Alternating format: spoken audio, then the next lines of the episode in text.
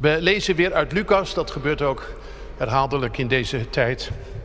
En we openen de Heilige Schrift bij hoofdstuk 14. We gaan lezen vanaf vers 25. In het gedeelte dat daaraan vooraf gaat, vertelt Jezus de grote gelijkenis over het feestmaal. Het feestmaal waarin mensen oproepen, kom, mensen die genodigd zijn. En ze komen niet. En dan zegt de Heer opnieuw, ga, ga ze halen, de armen en kreupelen. En nog is niet iedereen er. Het huis is nog niet gevuld en dan moet hij, de knecht, ze gaan dwingen haast. En van de landwegen halen.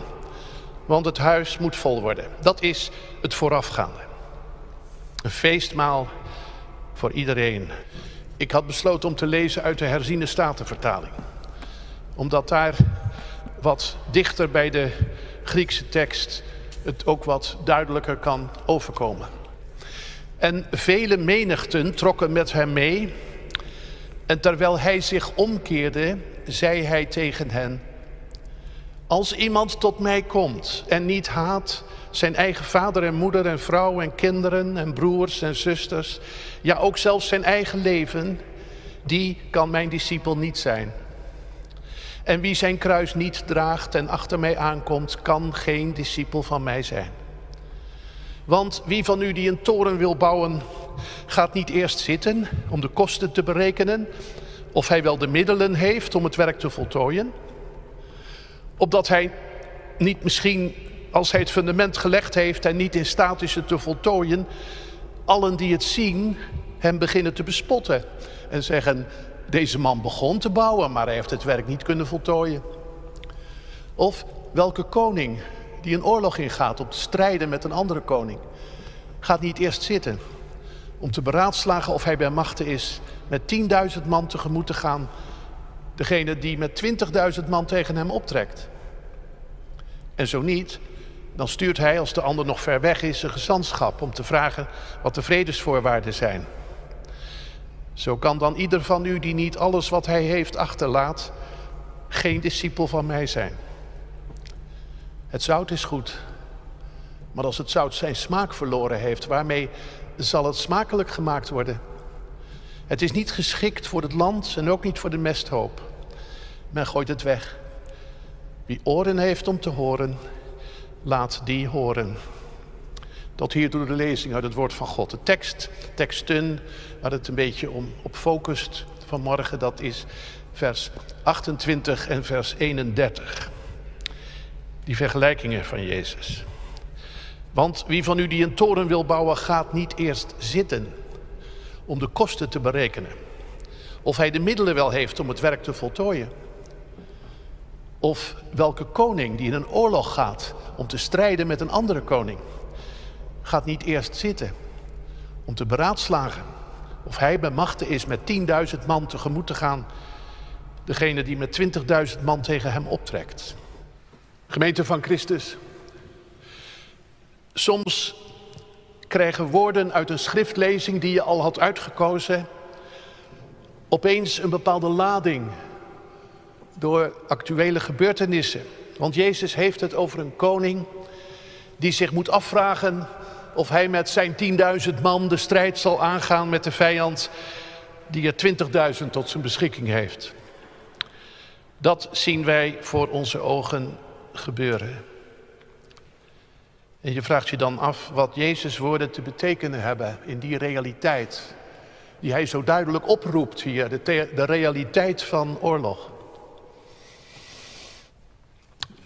Duidelijk, Jezus gebruikt een vergelijking. Hij doet geen politieke uitspraken over welke oorlog dan ook. Hij gebruikt een vergelijking, maar het is er niet zomaar één. Jezus wil zijn gehoor, ons, aanspreken in de realiteit van de wereld. En in die wereld zijn mensen bezig met bouwen en met strijden. Wie van jullie een toren wil bouwen, zal niet eerst nadenken gaan zitten en zich afvragen of hij wel genoeg middelen heeft om die bouw te realiseren en af te ronden. Een toren, die bouwde je bijvoorbeeld om je wijngaard te beschermen, te beveiligen. Maar vaak woonden mensen ook dan in zo'n toren. Dus je zou ook kunnen denken aan een, aan een versterkt, stevig huis. Ook een actueel onderwerp natuurlijk. Dat is niet alleen oorlog. Er is ook de, onder ons heel bekende kwestie van een huis. Een huis bouwen of kopen. En wat dat dan gaat kosten. En wat dat tegenwoordig moet kosten. Dan moet je wel je verstand gebruiken en het goed berekenen. Hoeveel wil ik uitgeven? En als ik zoveel uitgeef, hou ik nog een leven over. Het kan best zijn dat je er nu middenin zit. En dat die tabellen gewoon door je hoofd gaan nu. En in ieder geval gaat door ons hoofd die oorlog. En wat kost die niet? Iedereen hier weet hoeveel er in de oorlogskast van Poetin zit. En iedereen weet dat we allemaal een beetje aan het berekenen zijn. Al heb je er misschien helemaal niks mee te maken, maar toch, wat gaat het ons kosten? Het gaat gevolgen krijgen. En dan die mannen en vrouwen natuurlijk, die het moeten beslissen. Hoe ver kunnen we gaan met die sancties? Want je kan natuurlijk wel heel emotioneel zijn, en dat zijn we. Heel boos, heel treurig. Maar je moet ook je verstand gebruiken. En je moet nagaan wat je mogelijkheden zijn. Nou, Jezus gaat het niet over de oorlog hebben. Hij gaat het hebben over wat het kost om Hem te volgen. Om discipel van Hem te zijn. Niet om het te worden, daar gaat het niet over. Maar om het te zijn. Wat kost dat? Wat denk je? Denk je er wel eens over? Jezus zegt, reken dat eens uit. En vraag je dan af, heb ik dat ervoor over? Tegen wie zegt Jezus dat? Dat maakt ook verschil. Hij zegt dat nu tegen die grote mensenmenigte die met hem meeloopt, die achter hem aankomt. Allemaal mensen die iets verlaten hebben, ongetwijfeld.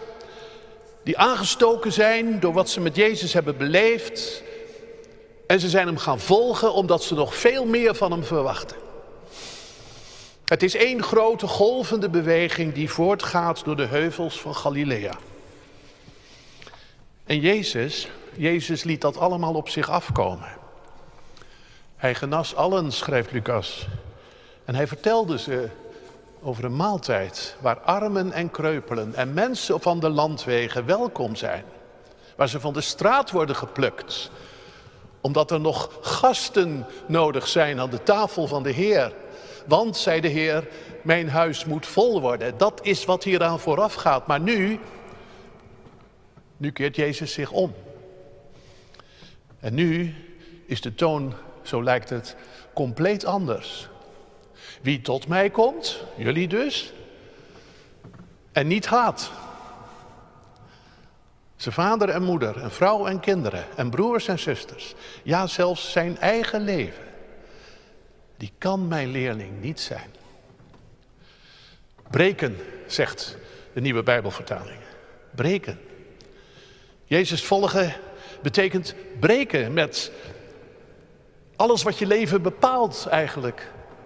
Je afkomst, je veiligheid, je identiteit, het vertrouwde en het geliefde, inclusief je eigen kostbare leven. Als je mij volgt, kan dat niet meer vooraan staan, zegt Jezus. Ze zijn niet meer prioriteit nummer één. Als je mij volgt, zul je weten wat het betekent om te haten. Als het je menens is, tenminste. Dit zijn de kosten. Ja, dat is toch volstrekt vervreemdende taal. Uit de mond van Jezus. Waarmee hij zich meteen op een enorme afstand van je zet, zo lijkt het. En als dominee schiet je dan al gauw, eerlijk gezegd, in de reflex om dat woordje haten een beetje af te zwakken. Of het te nuanceren, en dat noemen we dan uitleggen. Nou ja, Matthäus is al eigenlijk een voorbeeld daarvan, zou je kunnen zeggen. Die, dat, daar staat het wat vriendelijker. In de taal van Matthäus zegt Jezus, wie vader of moeder meer lief heeft dan mij, die is mij niet waard. Dat is natuurlijk net zo heftig. Maar Lucas heeft het echt zwart-wit opgeschreven. En weet je waarom? Omdat Lucas schreef voor heel weldenkende, hoogopgeleide en zeer genuanceerde Griekse mensen. Dan wil ik het jullie wel zwart-wit zeggen.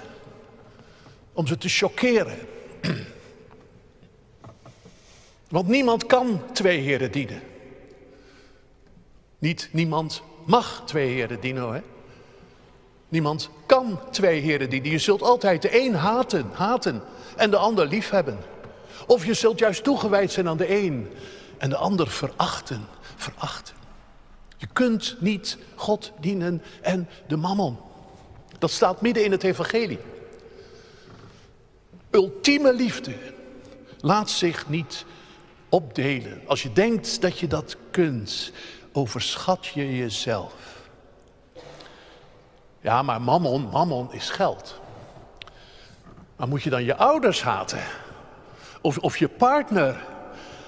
Nee, die moet je lief hebben als jezelf. Dat is het grote gebod. En je ouders moet je bovendien eerbied betonen volgens het vijfde gebod. Maar dat woord haten, dat gaat niet over mensen. Dat woord haten gaat over alles wat niet Jezus is. Dus als de binding aan je ouders, aan je gezin, aan je partner, aan wat dan ook, een belemmering wordt, een blokkade eigenlijk opwerpt om met Jezus verbonden te zijn en, en te blijven. Als het een blokkade wordt om trouw te zijn aan de weg, zijn weg, die naar het leven leidt, ja, dan moet je nee zeggen. Nee. Want gemeente, er is een macht hè, die op ons allemaal afkomt, juist omdat we Jezus volgen. En dat is de macht van de afleiding. En ik, er staat iemand voor u die daar echt alles wel, nou alles, maar veel van weet hoor. Afleiding, verstrooiing. Dat wat fijn is, waar je van mag genieten, waarom niet? Maar wat je tegelijk zo ontzaglijk kan hinderen om trouw te zijn aan Jezus. En via Jezus ook trouw te zijn aan de ander, zeg ik er meteen maar even bij.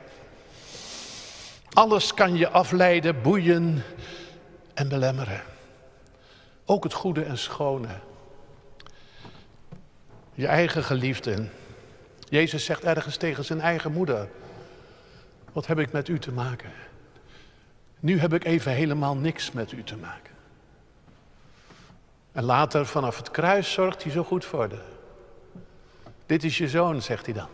Zoon, dit is je moeder. Maar op dat moment even helemaal niks. Om een toren te bouwen, niet alleen te beginnen, maar af te bouwen. En om een oorlog te voeren en daar niet aan te gaan, heb je focus nodig. Focus. Geen afleiding. Dan moet je één ding horen. Als je met die stinger, ik maak het maar even heel concreet en plat. Als je wil raken, dan moet je mikken.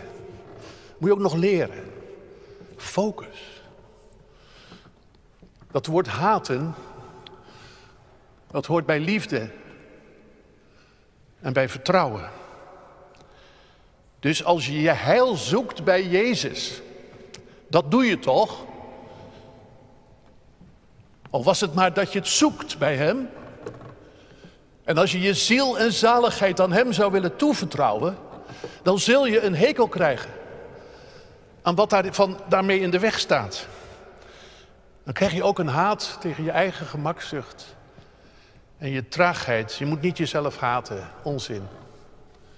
Maar je moet wel een haat krijgen tegen je gemakzucht. Nou, die menigte, Jezus ziet die menigte. En ze zijn zo vrolijk en ze zijn enthousiast, ze zijn emotioneel. Ze hebben een binding aan Jezus, echt waar. Ze hebben een keus gemaakt, ongetwijfeld. Ze volgen al. Maar het is toch vooral een enthousiaste keus, zal ik maar zeggen. Een keus op het gevoel, op de sfeer, op de stemming. En dan zegt Jezus, Sorry, maar je moet ook nadenken. Geloven is ook iets van het verstand. Hetzelfde verstand waarmee je ook je huis koopt en je energierekening nagaat. Dat verstand. Hoeveel christenen zouden dat beseffen? Zeker in deze tijd is geloven zo met gevoel verbonden. Ervaringen. Hypes. En dat is het geloof ook voor veel mensen misschien, dat weet ik niet. Maar het zou kunnen. Dat je van het ene naar het andere gaat. En als die hoogtepunten dan niet zo goed meer zijn en zo hoog meer zijn, dan ga je misschien ergens anders of je gaat niet meer. Maar geloven is ook het verstand. En Jezus ziet die grote menigte die dat nog moet horen. Dat ze moeten gaan zitten. En nadenken over de reële gevolgen die in het verlengde liggen van je keus om Jezus te volgen. En dat is dat je je kruis opneemt. En dat je in een wereld die hele duidelijke prioriteiten heeft, waar je zelf ook in geloofde, en die ook nog steeds aan je trekken, dat je het in die wereld moet zien uit te houden met Jezus. Wat mij opvalt is dat Jezus het zo negatief zegt. Hè? Je kunt toch ook positief zijn? Dus zeg, als je mij nou volgt, hè, dan moet je wel hierom denken en dan moet je daarom denken. En gaandeweg zul je merken hoe goed dat is voor je. Oh, die teksten staan ook in de Bijbel hoor. Maar het is af en toe wel heel nuttig, denk ik. Jezus vindt het nuttig om het eens helemaal negatief te zeggen. Als je dat niet doet, ben je geen discipel. Hé, hey, kan dat? Als ik dan niet breek, kan ik dan geen discipel zijn? Dan ga je toch anders luisteren. Wie achterom blijft kijken, zegt Jezus, is niet geschikt voor het koninkrijk van God. Kan dat, dat ik niet geschikt ben? Je moet jezelf ook niet te snel rijk rekenen. Met de manier waarop je nu gelooft. Ik ook niet. Je moet even gaan zitten. En nadenken over de kosten. Jezus rekent het je voor. Dit is het, zegt hij. Heb je het ervoor over? Is het menens? Tja, nou zou ik een rijtje reacties kunnen noemen. Natuurlijk iemand zegt van, ach dat kan je helemaal niet berekenen hè. Wat er allemaal op je weg komt. Nee, daarom vat Jezus het ook even samen. En maakt dit meteen extreem om het duidelijk te maken. En een ander zegt, ja, als ik nou die kosten bereken, dan vraag ik me af, zou ik er nog wel aan beginnen? Of zou ik er nog wel mee doorgaan? Dat vind ik eigenlijk wel zonde en jammer, maar vind ik ook wel eerlijk. En we moeten in de kerk heel erg op de toer van eerlijkheid zitten, denk ik. Anders wordt er nooit iemand zalig, als ik het even wat cru mag zeggen. Het moet echt eerlijk wezen. En die eerlijkheid mag ook best een plek hebben in onze gebeden. Voor jezelf en voor anderen. Mag ook best een plek hebben in onze Bijbelkringen. En waar dan niet? Als ik bereken, doe ik het misschien niet. Maar wacht even, je loopt nog niet weg. Je bent er nog. En wat Jezus betreft, kom je er ook niet zo gemakkelijk mee weg. Die aarzeling van ons, die onwil, die stuit op dat onverbiddelijke woord van Hem. Zo kan het niet, zegt hij. Zo kun je mijn discipel niet zijn. En toch is dat niet waar hij met je naartoe wil. Natuurlijk niet. Vraag je af waarom de Heer die ons lief heeft, ons dit zo zegt. In deze woorden. Waarom? Omdat hij wil dat je aankomt bij de eindstreep. En dat je niet afhaakt omdat je te laat ontdekt dat Jezus volgen niet iets is wat je erbij kan doen. Erbij. Bij je eigen fijne leven. En dan heb ik ook nog mijn geloof. En dat is helemaal fijn. Wat wil je? Wat wil je? Je wilt toch niet uitgelachen worden? Omdat je geloof blijkbaar niet werkt? Je wilt toch niet dat mensen zullen zeggen, nou ja, we dachten altijd al dat dat geloof van jou je nergens brengt en, en nou zien we het bewijs. Ik vind het voor mezelf een chockerend idee. En dat kan me kwellen bij, bij dagen en vooral in de nacht. Dat je een beeld ziet van jezelf. Hè? Hij begon, hij bouwde en hij bouwde verder met enthousiasme en al. En hij bleef toch steken. Een onafgemaakt project dat verdwijnt in de lucht. Dan denk ik aan de momenten dat ik niet loskwam van mezelf. Dat ik me liet afleiden door mooie en goede dingen die toch blokkades werden op de weg van Jezus. Pijnlijk, pijnlijk. Het kan je onrustig maken, het kan je somber maken. Maar nou laat ik mezelf helpen en u ook, hoop ik, door die woorden van Jezus vandaag. Die zegt, nou moet je niet zitten somberen en in je onrust blijven zitten, maar je moet gaan zitten en je verstand gebruiken. Laten we dat dan ook doen. We gaan woensdag de 40 dagen tijd in. Dat is een periode om te gaan zitten. En na te denken. Niet in het wilde weg, bekijk het kostenplaatje. In de katholieke kerk is dat nog helemaal niet zo gek, hè? Al die staties. Die beeldjes, zoals een van de kinderen zei. En dan moet je naar jezelf toe denken. Heb ik dat gedaan? Heb ik dat gedaan? Wil ik dat eigenlijk? Dan zou je maar bidden, Heer, help me toch. Want ik zie het onder ogen. Als je dan zo zit te denken en de kostenplaatje bekijkt, bedenk dan ook dat God en dat Jezus niet iets bovenmenselijks van je vraagt. Nee. Om het te kunnen volbrengen, hoef je niet heel apart te gaan leven. Niet een heilige te worden of een monnik. Los van de wereld, dat hoeft niet. Nou zitten monniken vaak niet los van de wereld, zeg ik er gelijk bij. Maar Jezus die zegt het juist in de taal en de realiteit van het complexe leven waarin we allemaal zitten. Dacht je dat hij dat niet weet? En dat hij onmogelijke dingen van je vraagt? Dat is het niet. En de werkelijkheid van nu, dat is de oorlog in Europa. En nou is me iets opgevallen. U ook waarschijnlijk. Dat zijn mensen die het land intrekken in plaats van eruit wegvluchten. Heb je het gezien? Ze waren buiten, ze hadden misschien hun vrouw en hun kinderen al afgeleverd en dan gingen ze terug.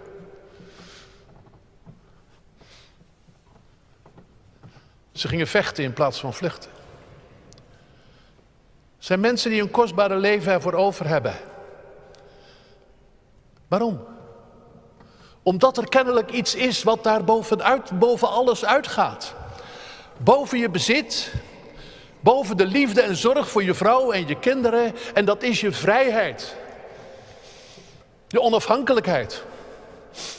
Het verbaasde me, want het zijn helemaal geen soldaten. Het zijn gewoon mensen, de man uit de straat. Maar ze zijn bezield door een ideaal. Wij hebben Jezus. Wij volgen Jezus.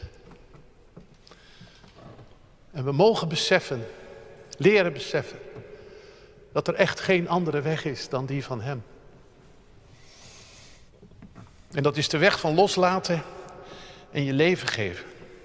Schokkend, genoeg. Maar laat in Gods naam Jezus je dan bezielen. Zoals niemand en niets anders dat kan en doet. Want Jezus, die heeft wel nagedacht. En toen heeft hij gekozen. Zie, ik kom, o God, om uw wil te doen. In de hele boekrol staat van mij geschreven. Nou, je weet wat er in die boekrol staat, het Oude Testament, oorlogen. Elkaar de koppen inslaan. Vaders die hun kinderen laten ombrengen. Van alles. Ik kom om uw wil te volbrengen, zegt Jezus. Hij heeft het voor ogen gehouden. Al die kosten. Hij heeft bewust gekozen. En weet je waarom hij zo vaak bad? Om niet afgeleid te worden. Er werd zo aan hem getrokken, ook letterlijk. En dat was ook goed. Maar hij moest wel heel veel bidden. Om niet afgeleid te worden. Om die kosten voor ogen te houden. En daarom had Jezus God meer lief dan zijn eigen moeder. En zijn eigen broers. En daarom verwierp hij de schatten van de wereld die voor hem werden uitgestald. En daarom wilde hij zijn leven, hij wilde niet overleven. Hij wilde zijn leven niet redden. En waarom deed hij dat dan? Om ons. Om ons een nieuw leven te geven. In de verbinding met Hem. En vandaag geeft Hij een signaal af hoe close die verbinding is. Dan zegt Hij tegen je, ze hebben mij opzij gezet en verworpen. Dat staat jullie ook te wachten. Dat zijn de kosten. Maar wees niet bang. Ik ben er om je te redden. En dat nieuwe leven, waarin haat een plaats heeft, dat is zo'n vruchtbaar leven. Geloof me. Want achter Jezus aangaan, dat is bouwen. Dat is bouwen aan vrede. En het is strijd leveren tegen onrecht en tegen zonde. En wat het uithaalt, dat weet God. Maar één ding staat vast. Toren die Jezus bouwde, dat vaste gebouw van God, dat komt af. En dat is al af. En die oorlog, die is al gewonnen. En juist daarom hoeven wij die strijd in dit leven niet te schuwen. Een geloof dat niets kost, is niet kostbaar. Kostbaar is het kruis. En dat ligt voor je klaar. Amen.